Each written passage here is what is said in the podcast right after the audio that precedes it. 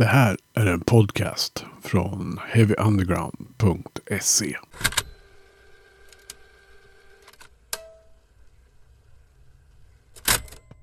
Heavy Undergrounds podcast, Curator of Taste. Ni vet hur det funkar. Eh, jag, Magnus Tannegren, som kör podden uh, har ju ett gäng oerhört begåvade skribenter på heavyunderground.se som skriver om skivor och konserter och allt möjligt. Uh, ni har träffat Ylva och Anders tidigare.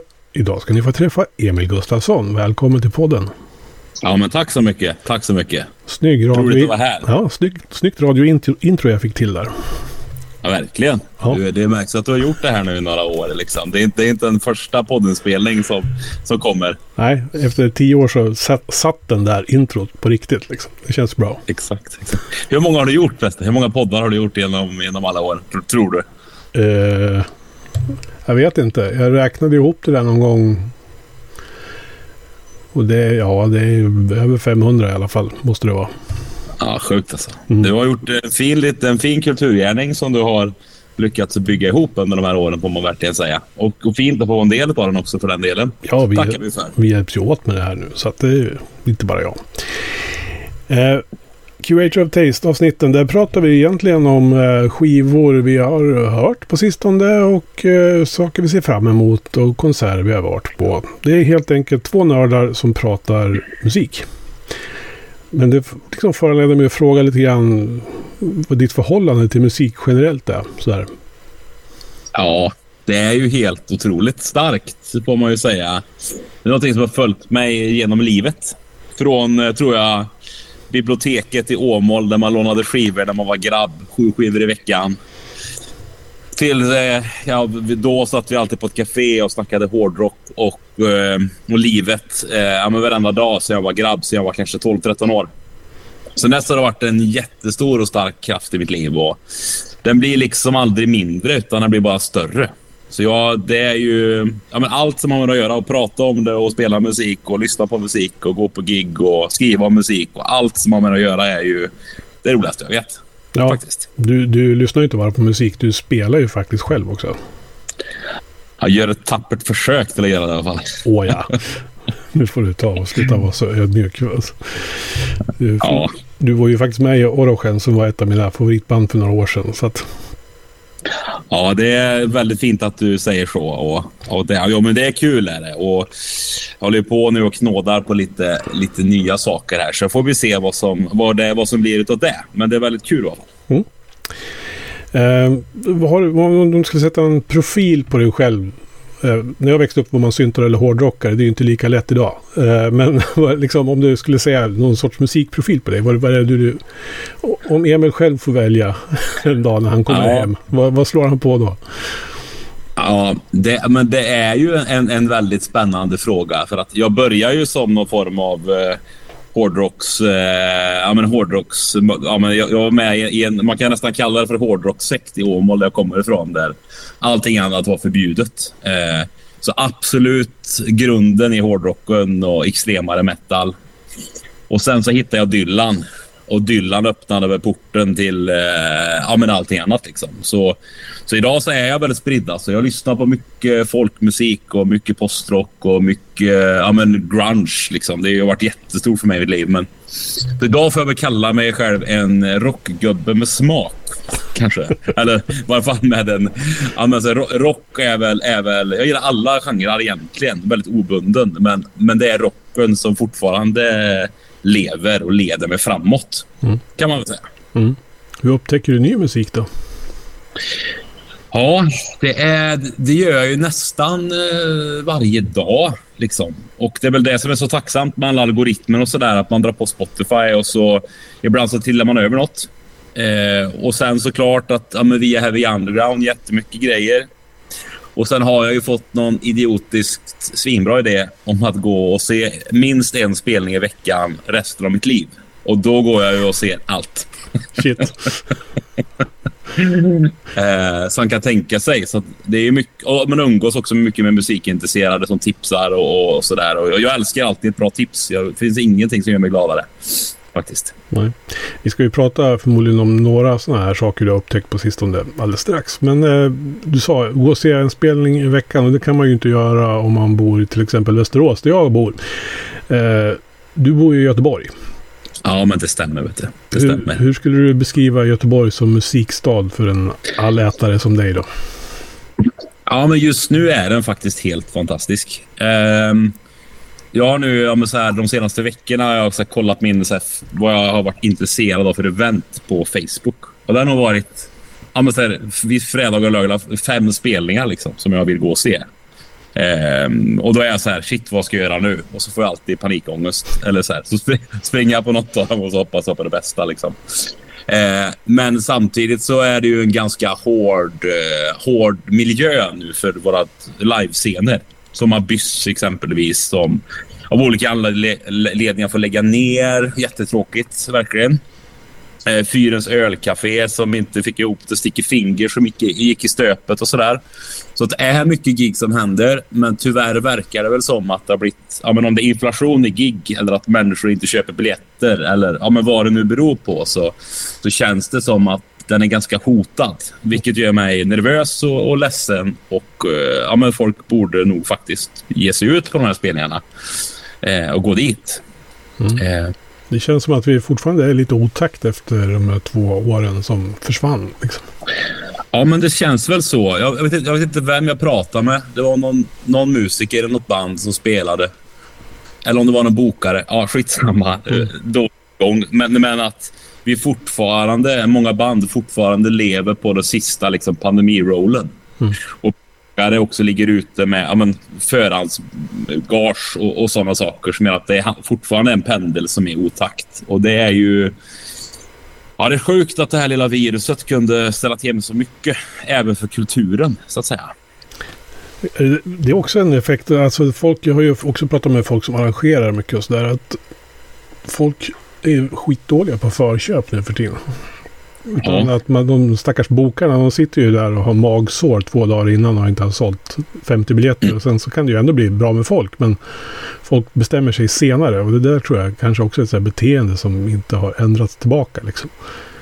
Nej, precis. Och det, det, är ju svårt. Alltså, man kan verkligen förstå den här bokakrisen eller bokakänslan. Och, och jag tänker att det måste finnas något sätt att göra det på ett annat sätt. Eller så här, det måste finnas dels såklart för, för de som köper biljetterna, men också för bokarna. Alltså, det måste gå att göra någonting här. Alltså, som Krylbo Mangel nu är ju ute och, och säljer biljetter alldeles för billigt, alldeles för tidigt kanske. Men det är ändå ett sätt att, att driva frågan eh, och göra det uppmärksamt så att de har möjligheten att boka och göra bra grejer. Liksom. Mm. Men det, det, är svårt och just att, att kultur ja, men så här, vi lever ju ja, men, på gott eller på ont, jag kanske mest tycker på ont, i en väldigt kommersiellt driven miljö där kulturen då har en ja, men, ganska så hotad plats. Liksom. Och, och att kunna... Ja, men, I slutändan så handlar det om folks plånböcker och pengar och möjligheter. Och, både för bokarna och... Ja, det, det, känns som ett, ett, ett ekosystem som inte riktigt funkar kanske. Nej. Ja, vi får hoppas att det eh, liksom går åt rätt håll ändå. Det är ju bra att du går på spelningar i alla fall och håller liksom biljettförsäljningen igång. Då. Ja, jag försöker. Ja. Jag försöker. Det är bra. eh, vi ska ju prata om lite skivor vi har hört här, är ju tänkt. Uh, och jag tvingade av dig några namn på några plattor och några artister. Och jag har några också så här. Så jag tänker att vi kör varannan giv. Men eftersom du är gäst så får ju du börja. Underbart. Och det känns ju som att jag skrev ju så jävla många plattor till dig och så svarar du med två. Ja. så vi får väl se hur långt vi kommer då. Mm. Du får, det, det, är egentligen du som är huvudnumret här. Så att du gör inget om du har fler än mig. Så tycker jag inte. Jag delar gärna den platsen med dig, skulle jag säga. um, nej, men, och jag måste nog... Det första som jag faktiskt vill, eh, vill lyfta då är Christian Fjellwanders eh, senaste skiva Hold Your Love Still. Jag skrev ju om den här för någon, eh, om det var förra veckan. Mm.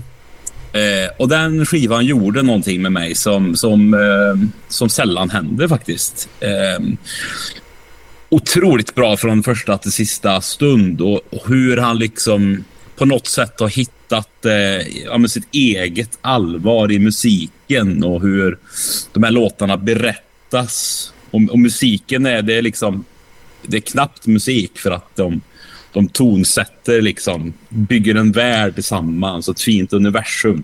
Mm. Eh, den har verkligen den har följt mig nu här eh, ja, några veckor faktiskt. Jag lyssnar på den varje dag, kan inte sluta. Och det, det jag är väldigt eh, tacksam för det. Mm. Det är en fantastisk um, känsla när, det där, när en sån skiva kommer. Så man liksom bara, den bara går. Liksom, utan att man tänker på det så slår man på den och lyssnar på den bara för att man vill komma in i det igen.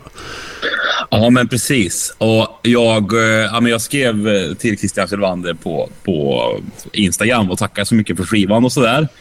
Och så lyck lyckades jag luska ut och via honom hade jag säkert kunnat googla mig till. Men jag frågade honom i alla fall vem som spelar trummor. Och det var då Per Nordmark. Just det. Och det trumspelet som är på den skivan måste jag faktiskt eh, hylla. Mm, något av det bästa jag har hört. Alltså. Otroligt eh, musikaliskt trumspel. Mm.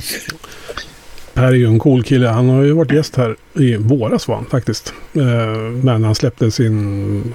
Det blir ju förra soloskivan nu då. Eh, han har släppt den nyligen också på svenska. Mm. Men han släppte den engelska. The Building. Det är en fantastisk platta det också. Ja, men verkligen. Jag, jag uppskattar den väldigt mycket. Och på något sätt, den känns ju jag så här, väldigt långt ifrån Kjell Wander på ett sätt. Mm. Samtidigt som man hör ja, men det här dynamiska tänket. Liksom. Mm. Det är väl det han är kanske bäst på, då, dynamiken som trummis och som mångsysslare. Men han har något i sina, i sina händer. Ja, ja. Han har, märks det. har ju fått det både från Breach och Fireside. Så att det är liksom... Ja, det är ingen dålig CV alltså. Nej. Jag kan man inte säga. Nej. Alltså, Christian, det... jag, jag gillar Christian Kjellander också. Men det är så här, jag har fått nästan lära mig att göra det. För att han har ju ändå en liksom, lite egen röst sådär. Så man får... I alla fall min, mina öron har fått vänja sig vid honom. Men sen när man väl har gjort det då ja, det, som du säger, det, är en helt egen liten värld. Exakt. Och Det är det som är så spännande med hans röst. Då, för, ja, men, eh, jag har lyssnat på honom jättelänge och, och att den har förändrats väldigt, väldigt mycket. Och Det känns som desto mer baryton och bas han blir, desto mer allvarlig blir han också. Som att varenda, varenda röstförändring i hans eh, stämma, desto mer allvarsam blir han och mer berättande. Och, ja, jag tycker han... Eh, har bara blivit bättre faktiskt. Och han har varit bra från början hela tiden. Men... Ja, det är coolt tycker jag. Ja. Jag skrev till honom på Instagram. Eh, jag, tror, jag tog inte mig själv på allvar och han gjorde det nog absolut inte. Men, men, men jag skrev att... Eh, och, och, och frågade han om inte han kunde starta band med Dave Eugene Os eh, Edwards och Pelle Osler. För då, för då, hade jag, då hade jag lyssnat på det varje dag. Tror jag. ja, Mm. Hold your love still heter plattan uh, med Christian Kjellander. Och det är väl en varm rekommendation här från Heavy Underground. Och lyssna på den. Verkligen. Oavsett vilken musik man tycker om annars kanske. Uh, så öppna era sinnen som man säger. Uh, jag noterade bara det att när jag, samtidigt när jag såg vad vi hade valt för skivor du och jag. Uh, och musik vi ville prata om. Så det finns ändå någon form av uh, röd tråd här. Eh, det kanske inte är den här, det är inte no, knappt någon D-takt håller jag på att säga. Jo, lite, men inte mycket. eh, och det är inte speciellt mycket hårdrock överhuvudtaget. Utan vi rör oss någonstans i det här lite halvgotiska, eller vad man ska säga. Verkligen. Mycket höst, I, höstmusik, i, ska jag säga. Exakt i gränslandet till Mordor. Ja. Inte hela vägen in i Mordor, men på gränsen. Nej, men ganska typisk novembermusik kanske man skulle säga. Eh, det var väl någon månad sedan nu den kom, men jag tänkte ju tipsa om Nicole Saboné eh, och skivan Kismet som kom ja, för månaden då. Det här är väl hennes fjärde platta tror jag. Um, och jag har gillat den ända sedan debuten. Det var 2014 den kom. Eh, då var det mer post, ren postpunk hon ägnade sig åt. Eh, jag tyckte den var helt fantastisk. Eh, sen så har hon ju tänt lite på gränserna på de uppföljare som har kommit och kanske liksom letat efter sitt uttryck. Men på den här plattan tycker jag att hon hittar det. Och det, jag vet inte om man kan kalla det för gotisk indie-rock eller någonting. Uh, för det är lite, det är ganska catchy grejer. Eh, samtidigt som det finns den här postpunk-grejen någonstans i bakgrunden fortfarande. Och en ganska mycket av det på vissa låtar på den här plattan. Och sen så tycker jag att hon sjunger ju fantastiskt. Eh, apropå röster då. Eh, så att den här plattan, den har, som du sa om Christian Kjellvander, man, den här har liksom gått hemma här. De första veckorna efter den släpptes så tror jag den gick nästan en gång om dagen. Mm. Eller jag lyssnade på den i bilen på vägen till jobbet. Eller ja, du vet. Så fort man fick en chans så lyssnade man på den. Liksom. Underbart. Jag, jag hade ju inte lyssnat på den faktiskt innan du Nej. skrev om den. Jag lyssnade på den på, på vägen hem från jobbet nu när jag promenerade. Så mm. jag måste kolla vad låten hette. Men jag blev väldigt så, direkt träffad av en av låtarna som heter eh, Before You Know It. Mm. Den blev jag helt där. Shit, vilken alltså, första direktträff på något sätt. Eh, coolt. Mm. Det finns ju några riktigt bra refränger. Alltså, som sagt, det är ju nästan kommersiell pop i en del. så. Eh, och det är inget fel i det. Men eh, kanske inte det man hade förväntat sig själv liksom, att fastna för. Men det, det är någonting med hennes eh, grundton tror jag. Och sen alltså, hennes röst, ja, det, jag skulle kunna lyssna på den i timmar. Liksom. Ja, verkligen. Och, och, och, utifrån min första lyssning då. Jag kan ibland lyssna kanske för mycket på produktioner och sådär. Men jag tycker den skivan verkar ha de har verkligen jobbat igenom låtarna så att det liksom är...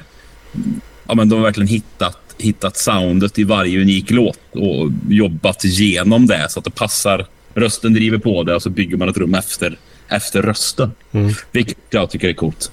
Sen tycker jag hon har mognat ändå. För det, så här, hon har inte liksom varit jätteaktiv emellan skivsläpp och sådär. Men det beror ju på att hon håller på att ta någon doktorsexamen i molekylärbiologi eller något sånt där samtidigt.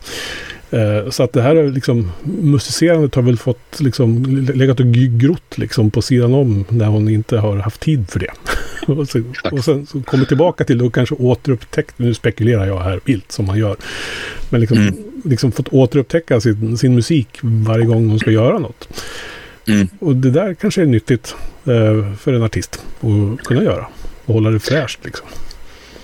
Ja men verkligen. Så att det blir ju... Alltså jag vet ju själv när jag sitter nu och försöker skriva lite låtar och så försöker man få ihop saker och så har man gjort... Man liksom, just det självdistansen till, till en själv och till vad musik är, är ju väldigt flytande. Mm. Alltså ibland får man flow och så kanske det flowet sitter i en stund och så tar man en paus och så tappar man bort sig och så när man då hittar någonting annat igen så blir det ju nytt och fräscht och man liksom... Så jag tror jag ligger mycket i det liksom. Och, mm. ja.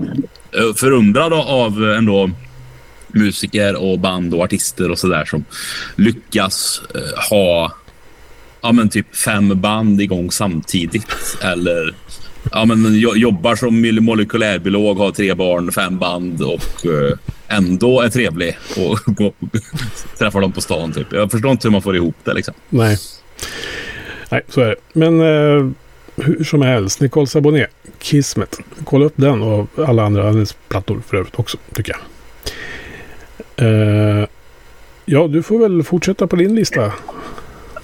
Ja, och det är ju då alltså helt oundvikligt för mig. Och eh, om jag kan prata om Osler så, så pratar jag om Osler. Uh, så, så, jag måste ändå ta, ta, ta tillfället här igen. Uh, och framförallt så handlar det väl om alltså, att reissues och återutgivna saker och, och musik. Eh, han har ju släppt ut nu då, eh, sin, sin skiva Brus som jag tror kom för tio år sedan under tioårsjubileum. Så nu har den äntligen kommit på vinyl. Så han gör en eh, turné runt om i, ja, på, på, några få utvalda platser i Sverige. Han kommer till Göteborg nu på fredag 24 november. Eh, och så har han släppt en, eh, ja, men en, en mörkare mix på en låt från skivan digitalt som, som release för det här. Liksom. Mm. Och jag då, ja, men så här, jag är inte ofta för återsläpp och releaser och sådär. Men här går jag fan i taket alltså. Och det är den mixen i sig, ja men den kanske jag hade varit utan. Men just tillfället att återupptäcka den skivan igen. Och um, vad den har gjort för mig. Liksom. Jag håller nog det som en av mina så här starkaste topp fem, ja, men superhögt i, i livet. Liksom. Eh, och det ska bli så jäkla kul då att få se det här live på, eh, på fredag igen. Och jag är så taggad så jag vet inte riktigt vad jag ska ta vägen faktiskt. Känns som att Os Oslan är lite så här doldis ändå. Alltså, han har ju funnits med lite överallt. Jag menar, jag man känner igen honom från sällskapet där väl med Tåström och Sådär. Eh, men han har liksom inte som soloartist kanske gjort jättemycket så här som har märkts. Eller? Nej, men precis. Och det är väl för att det är ju ganska sträv och, och ganska gubbig eh, rock. Eller, eller euroblues som han själv kallar det. I alla fall på ett brusplattan. Mm. Så den, det, är liksom, det är ju inte musik för vem som helst kanske. Det, det, kommer inte slå på P3 eller... Utan det håller sig i det här gränslandet mellan ljus och mörker. Och det berör ämnen. Han sjunger på skånska och, och det, det, är liksom trasigt och mörkt på ett otroligt vackert sätt. Mm. Som, som liksom, ja, men på något sätt har fångat eh, hans sätt att spela gitarr. Varenda gång jag tar en gitarr så, så, så ja, men får jag prestationsångest. För att jag vet att det hade varit mycket bättre för Oscar spela gitarr. ja, hur är, hur är han live då? Ja, det är faktiskt helt roligt. Jag tror jag har sett honom nu sju gånger eller någonting. Jag tror att han tycker att jag är ett sånt creepy fan som dyker upp och säger hej två öl för full varje gång. men, men, men det är verkligen eh, ja, men det är mästerligt. Är det. Och nu spelar han ett, bru, eh, ett brus. Då. Den spelas ju in i, om jag minns rätt, i Hansa-studion i Berlin Just när det begav sig. Och då hade han ju med sig, ja men det var Conny Nimmersjö och Christian Gabell och Rocky Sivarsson och Pelle Osler Och säkert någon som jag glömt nu då. Men, men nu så kör han, eh, när han har live så har han bytt namn. Så är det Mikael Nilsén, tror jag att han heter. Och så är det Hux Nettermalm som spelar trummor i Ghost bland annat. Och Rookis, eh, ja, Ulf Rookis som spelar bas då. Eh, och jag såg dem för, förra sommaren här. Och i en liten smedja här ute, ute i Tollered utanför Göteborg.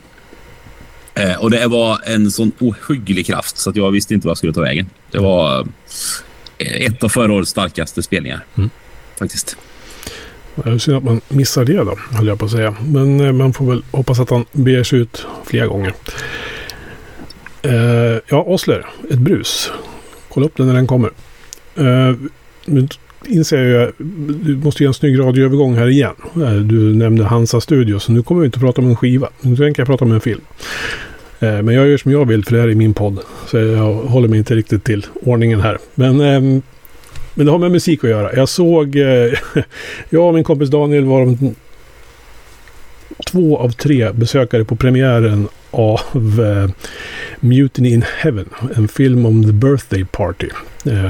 Är man fan av Nick Cave vet man ju vad The Birthday Party är för någonting. Det var ju hans, ja, rent tekniskt sett, andra band. Egentligen är det samma band som hans första band. Fast de bytte namn på ett flygplan medan de var jättefulla på väg till London. Eh, så de klev på flygplanet från eh, Sydney eller var de åkte ifrån. Då hette de The Boy, Boys Next Door. Och när de klev av planet till London så hette de The Birthday Party. Eh, så gick det till.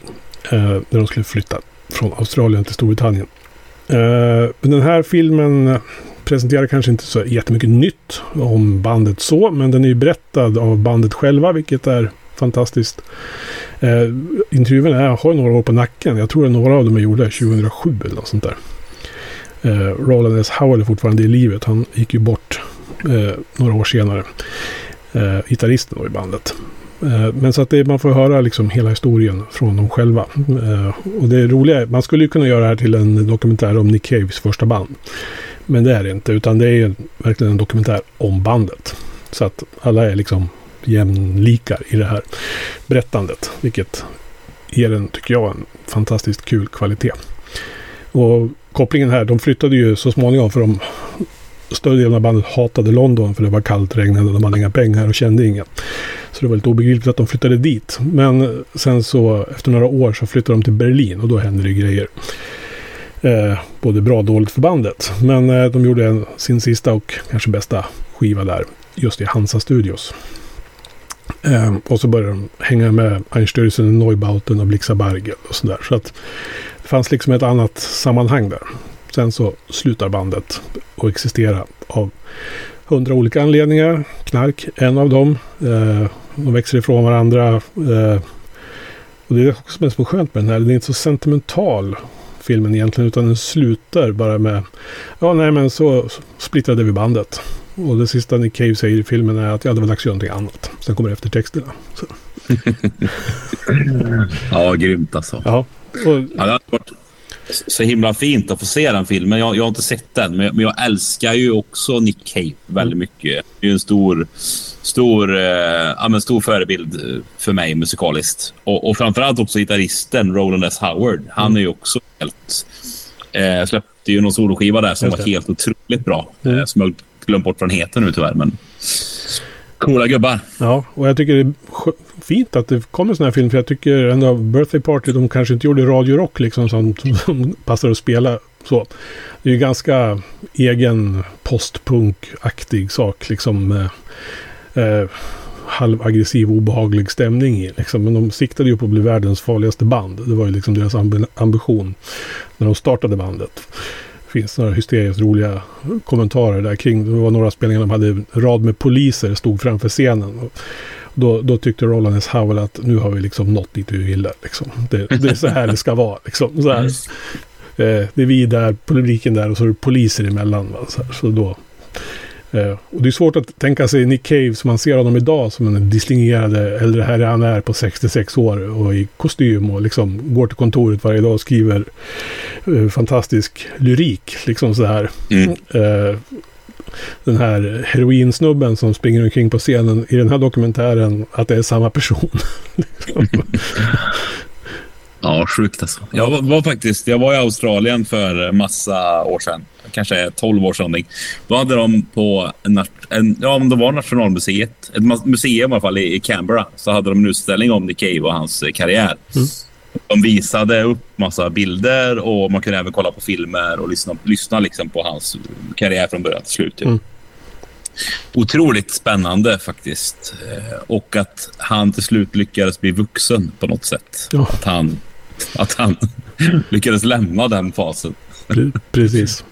Nej, jag varit så uppfylld av den här filmen så jag var tvungen att springa hem och eh, titta om på dokumentären 20,000 Days on Earth.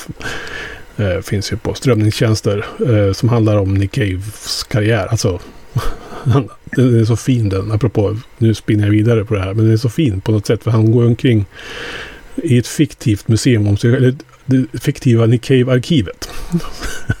Och samtidigt så pratar han med folk ur liksom sin, sitt liv som faktiskt är med i filmen.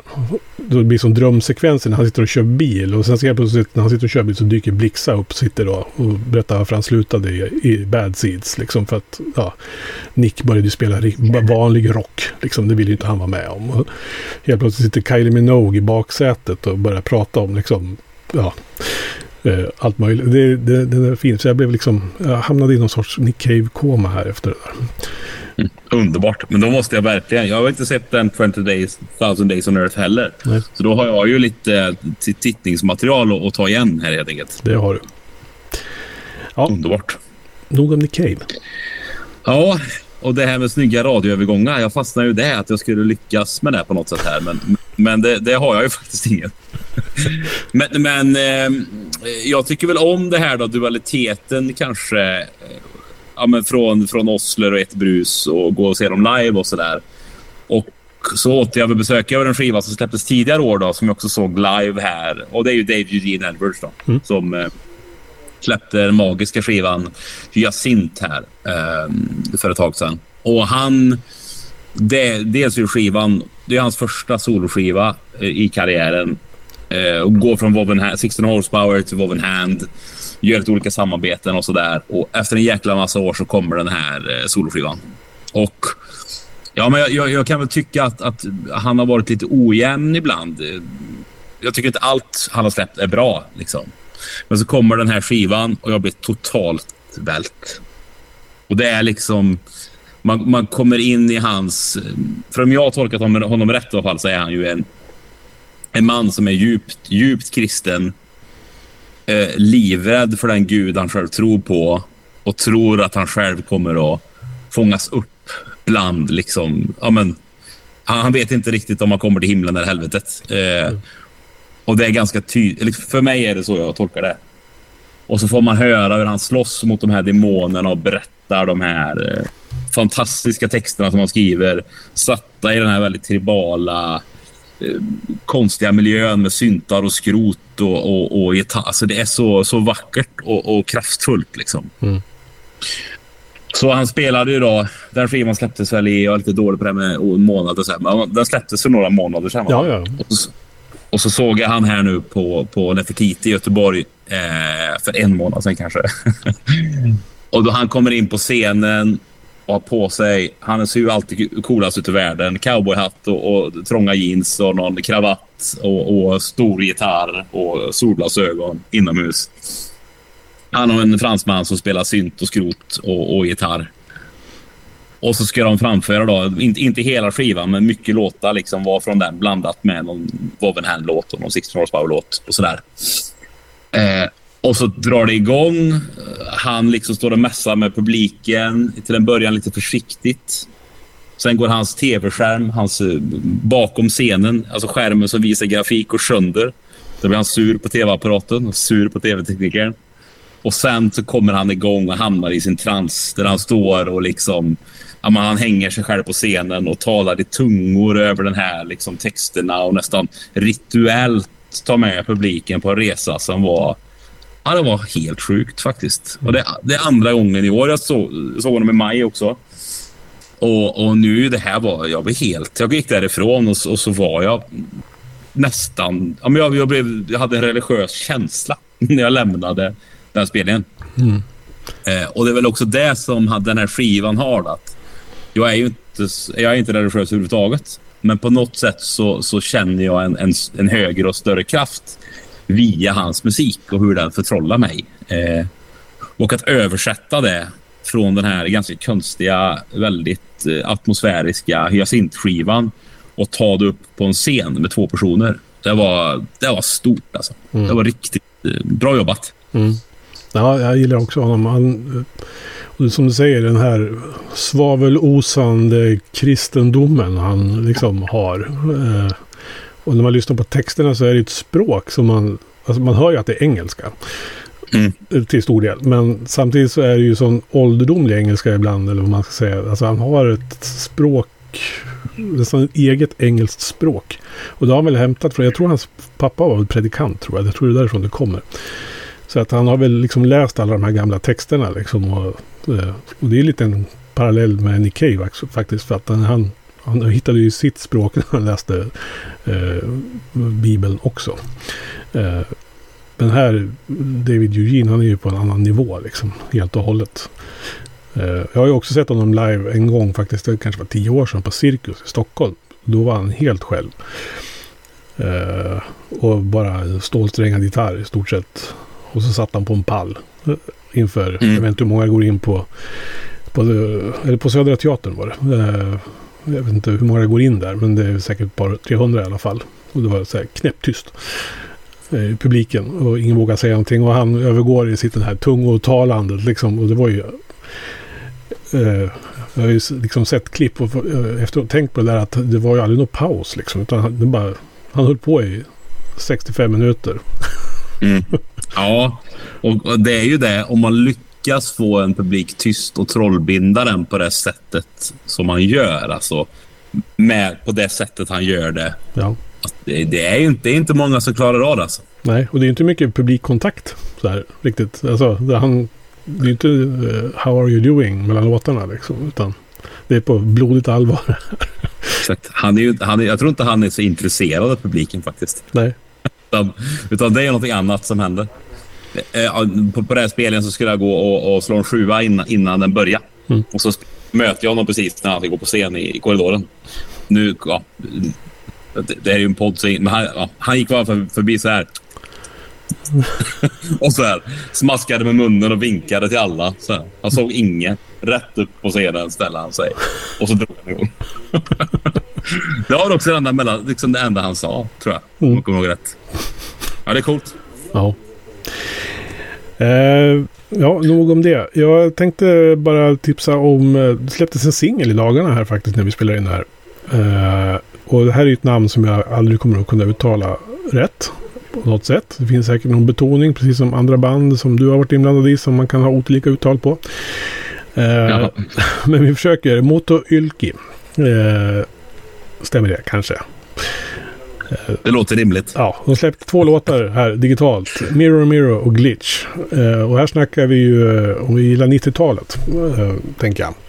Och postpunk och grunge, eller vad man nu är då. Men, och skrik och skrän. Så är ju det här någonting för er. Jag vet faktiskt, det enda jag vet är att Testela Lacour är med och hon, henne har man ju hört i band som Memoria och Snake och lite så här. Hon är ju, har varit med i många olika sådana här band som påminner lite om det här. Eh, vilket borgar för kvalitet. Eh, lyssna gärna på det avsnittet med Memoria förresten som finns. Ja, i Underground. Eh, så att eh, jag hoppas att det blir mer av det här. Ehm, Jättesvårt att prata om det här eftersom det inte finns så mycket liksom, bakgrundsmaterial. Uh, men svinbra låtar, två stycken som man liksom... Ja, när jag fick, fick den uh, promon för den här så var jag ju tvungen att lyssna. Jag tror jag lyssnade på den oavbrutet i en halvtimme. Alltså bara om och om igen. man ville liksom... Varför är det så kort? Mm. Uh, så att jag ser verkligen fram emot en eventuell fullängdare här. Det går väl rykten om det. Eh, så det, det, den tipsar jag gärna om och hoppas att alla kollar upp. Du, du skickade också den till mig här nu inför det här. Mm. Jag lyssnade också på den på vägen från jobbet. Så det är inte så att jag har någon, någon lång erfarenhet av, eh, av bandet som inte går att uttala. Miyoki. ja, vad de heter. Men jävlar vad ställd det var. Jag blev helt vält faktiskt. Mm. Eh, och just att det är så brötigt och noisigt och eh, kaosigt. Och i det här, eh, ja, men en av sångarna i alla fall, det låter som Kurt Cobain har återuppstått lite från de döda och, och eh, skriker med sin fulla galenhet rätt ut. Ja, skitbra alltså. Mm. Så det är tips. Eh, vi lägger upp, för med reservation för uttalet så lägger jag upp eh, alla skivor vi har eh, tipsat om här i det här avsnittet i informationen som finns till det här poddavsnittet. Eh, du har väl eh, ett par plattor kvar? Ja, exakt. Frågan är... Jo, det här blir väl en, en sån... En, en, en, en kul och... Eh, två skivor kvar, ja. Precis.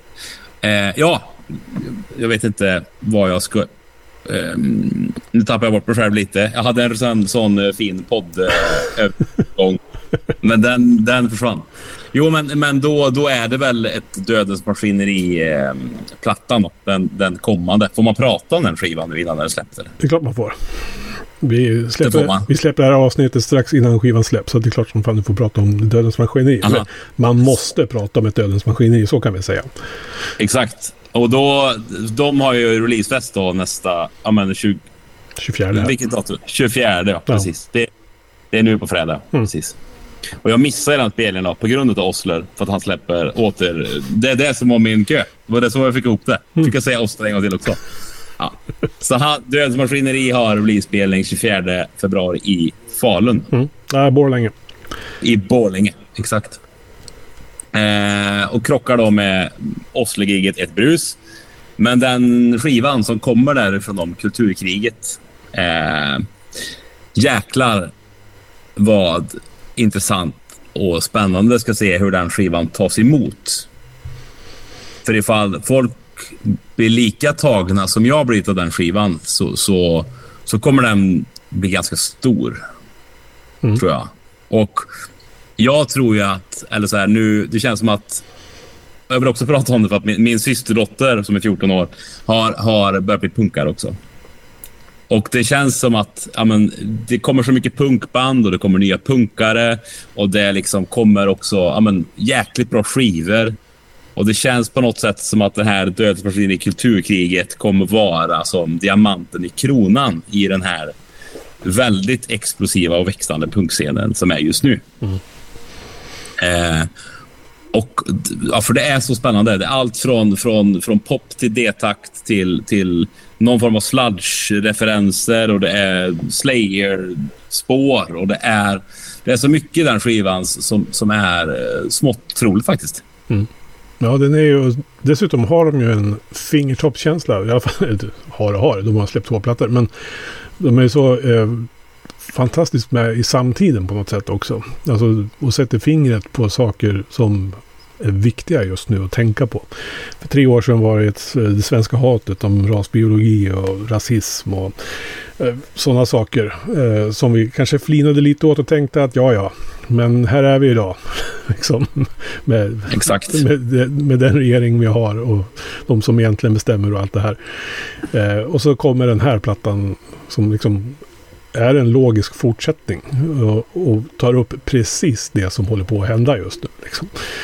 Så att, eh, ja, det, Dödens Maskineri är ju ändå ett av de mest angelägna banden just nu, skulle jag säga. Eh, Verkligen. Och, och, och, men, men de texterna som skrivs och på det sättet då fångar samtiden och också lyckas hitta olika, ja, men olika musikaliska, musikaliska sätt att ta ut det. För att det är ju ett punkband eller ett krustband. Eller liksom, det är mm. Där jag hade ändå velat definiera dem som. Fast det är också någonting annat. Det är hela tiden någonting före eller någonting efter de här eh, den här genrebeteckningen som gör att de håller sig extremt intressanta och väldigt relevanta, tycker jag. Mm. Eh, och, och ja, men, ja. ja, det är skit, skitbra verkligen. Och jag älskar dynamiken de får till på den här skivan också. Alltså det, det, det Svenska hat var bra, men här har man fått till, eller man vågar kanske ta ut svängarna lite mer. Jag tänker på att man bryter av, liksom mitt i alla aggressioner så bryter man av med Distortion to Hell som är ett bedrägligt namn på en låt. med tanke på mm. hur den låter. Och sen, som är någon sorts liksom, nostalgisk tillbakablick på, på, på ungdomen och som har flytt. Liksom, sådär. Eh, väldigt finstämd, vacker sak. Liksom. Och sen så brakar det löst igen. Liksom, Exakt. In i det här. Just den låten och en låt som heter Stormstegen och mina två favoritlåtar faktiskt från, den skivan. Mm. Måste, måste jag säga. Mm. Faktiskt. Så det är synd att jag, att jag, att jag missar dem i, i, ja, i Borlänge, för det hade jag verkligen velat åka och se. Jag hade planerat för det länge. Men min kalender är väldigt dåligt uppstyrd och så krockade det med Osler och då var det som det var. Ja, men vi får väl hoppas att de hittar tid i sitt familjeschema eh, och ger sig ut på lite fler spelningar under vintern och våren här sen. Så att, Exakt. Men de ska väl bara få ihop det. De, är, vad är de säger, de har elva barn i bandet eller något sånt där och familjer till det. Liksom, så att det ska liksom få ihop det där också. Exakt. Ja. Bara det att man blir imponerad faktiskt. Det, det är... Um, ja. Mm. Det, det att det går, att det går med elva barn i bagaget och få ihop en skiva om turné. Det tycker jag är coolt. Ja. Eh, jag tänkte bara slänga in en sån här som jag ser fram emot som skiva som kommer men som är tar nog ett tag, eh, det är ett tag till innan den gör det och det är Skräcködlans kommande platta. Eh, jag älskade ju Earth, den förra de släppte så temaplattan men hur de berättade den här historien om hur de hittade en, en, en, en sjöman i Östersjön som har drunknat med en mystisk bläckfisk-tatuering i nacken. Liksom, så här. Och så är det fantastisk science fiction skräckberättelse i det här. Eh, så jag, nu har jag bara hört de två singlarna som har kommit men det lovar ju gott tycker jag. Eh, jag vet faktiskt inte vad skivan heter. Jag tror inte de har annonserat det än. Eh, men det är ju på svenska och det är väldigt ambitiöst och genomtänkt stoner. Kan man väl säga. Eh, stoner för mig är väl kanske inte den hetaste genren längre. Men eh, uh, Skräködlan är väl det här undantaget då.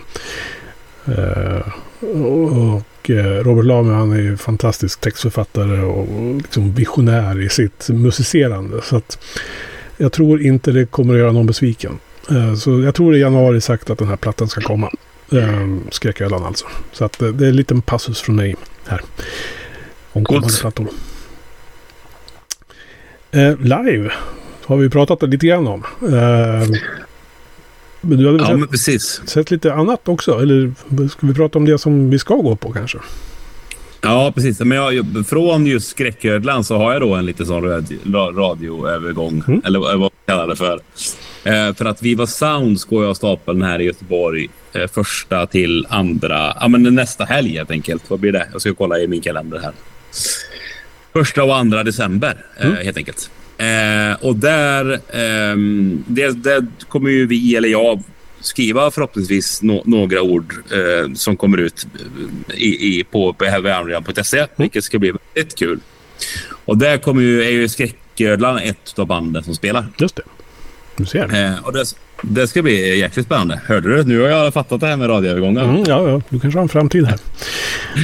Exakt. Ja. Eh, och, eh, men det som känns kul med Viva Sounds, det är en festival som jag har besökt eh, men i, i fem år i rad kanske och spelat, också fått äran att spela på en gång. Och Det är ju en sån showcase-festival där man då väljer ut eh, massa olika band från delar av världen och så sätter man ihop en musikkonferens och så, och så är den på, om det är, jag vet inte antalet scener, men fyra, fem, sex scener runt om i, i Göteborg. Och det är så jäkla mysigt eh, och, och, och skitbra arrangerat. Och det är gig från allt från puben till, till, eh, till eh, oceanen och, och skeppet och, och ja, men, stora och små ställen. Och i år har de lyckats att boka så jäkla feta band. Alltså, jag har gjort en lista här bara på, på tio namn som jag vill se på de här två dagarna. Eh, som jag är intresserad av. Och det känns, eh, ja, men det känns kul och fint liksom att de har lyckats att cherrypicka de här eh, juvelerna verkligen. Och där då, men har vi bland band som då Firebreather kommer dit, Skräckhyllan kommer dit. Blodskam kommer väl, om jag förstått det rätt, stänga ner hela Abyss med ett black metal-gig som, som sen också stänger hela puben. Det är Godmother, Hollow Ship, Klara Gollinger.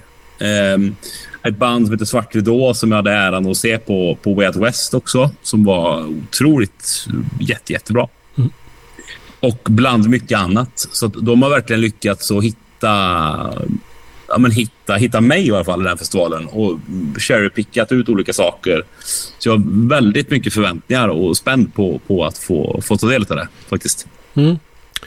Jag hade ju hoppats kunna åka ner då, men det, ja, schemat gick inte ihop sig. Men eh, tur vi har dig där som får rapportera om det. Eh, jag tycker också det låter som ett fantastiskt upplägg. Jag undrar varför inte fler städer gör sånt här. Eh, alltså öppnar flera scener under en flagga liksom för att showcasea bra musik. Verkligen. Det, det, det, man har ju liksom hört om Viva Sounds. Liksom. Det börjar få ett rykte om sig också. Mm. Ja, men, men det är coolt och, och de som arrangerar där, Westside Music Sweden, är så jäkla... Dels är de sköna personer, men att de också har en ja, men en viktig och jäkligt bra uppgift att sprida musik från, från Västsverige, ja, men både nationellt och, och internationellt. Att man, om man släpper en skiva så har man möjligheten via dem att, bli, att spela i Mexiko eller i USA. Eller mm. Att det sker ett utbyte av musik över gränserna och där man inte behöver vara Beyoncé, Metallica eller, eller liksom utan, utan att det går, att det finns en plattform. Att, att eh, musik kan ta sig framåt. Och det, det har de verkligen gjort väldigt bra, mm. tycker jag. Ja, det ska bli kul att höra vad som händer där. Uh, jag skulle bara tipsa om, eller tipsa, jag var på en riktigt så här eh, nostalgigrej och det var ju Quicksand Fireside på Slaktkyrkan i Stockholm. I oktober här. Jag, Mischa Sedini, som ni kanske känner igen från den här podden. Vi pratar klassikeravsnitt. Och sen Martin Dunelin som var med och gjorde serien eh, Just One Fix. Om just 90-talet. Stod där eh, och lyssnade på dessa två band. Och konstaterade att det var väldigt mycket eh, medelålders män i eh, flanellskjortor och skägg. Eh, sen tittade vi på oss själva och konstaterar att fan. ja, hur som helst. Eh, Quicksand var ju här för de spelar ju hela sin eh, klassiska platta Slip i, i sin helhet. Det är 30-årsjubileum för den. Behöver inte prata mer om det. De tre årtiondena, hur fort det gick. Men eh, det var ju fantastisk spelning naturligtvis. Eh, men det jag nästan såg mest fram emot, det var ju att se Fireside. För de, både, det var ju inte ett förband, utan de spelade ju två hela set var. Eh, så att det var ju liksom fullt ställ på Fireside också. Eh, och det var ju en bra blandning av gamla och nya låtar där. Eh, så jag hoppas verkligen att de fortsätter på riktigt Fireside och spela live. Eh, för att det var en riktigt bra spelning. Och kändes mm. inte ett dugg 90-tal och kändes inte ett dugg 30 år gammalt kan jag säga. Så att ehm, eh, Kristoffer Åström är ju, ja, han är ju fantastiskt trevlig och fantastiskt begåvad herre på alla sätt. Eh, både i Fireside och själv naturligtvis. Apropå lite mer laid back eh, americana-inspirerad musik. Verkligen. Mm. Och eh, men Firestars förra skiva, Bin News hette den. Ja. Svinbra. Mm. Och jag hoppas att de... Eller vet du, kommer de släppa Kommer de göra någon mer skiva? Eller det kanske inte är uttalat, eller, eller hur? Ja, vi hade ju med Kristoffer förra året då när de släppte skivan. Han hintar väl om att de har ju skrivit mer musik. Så. Sen så är det Mm. väl då det här med schemaläggning liksom, och familjer och ja.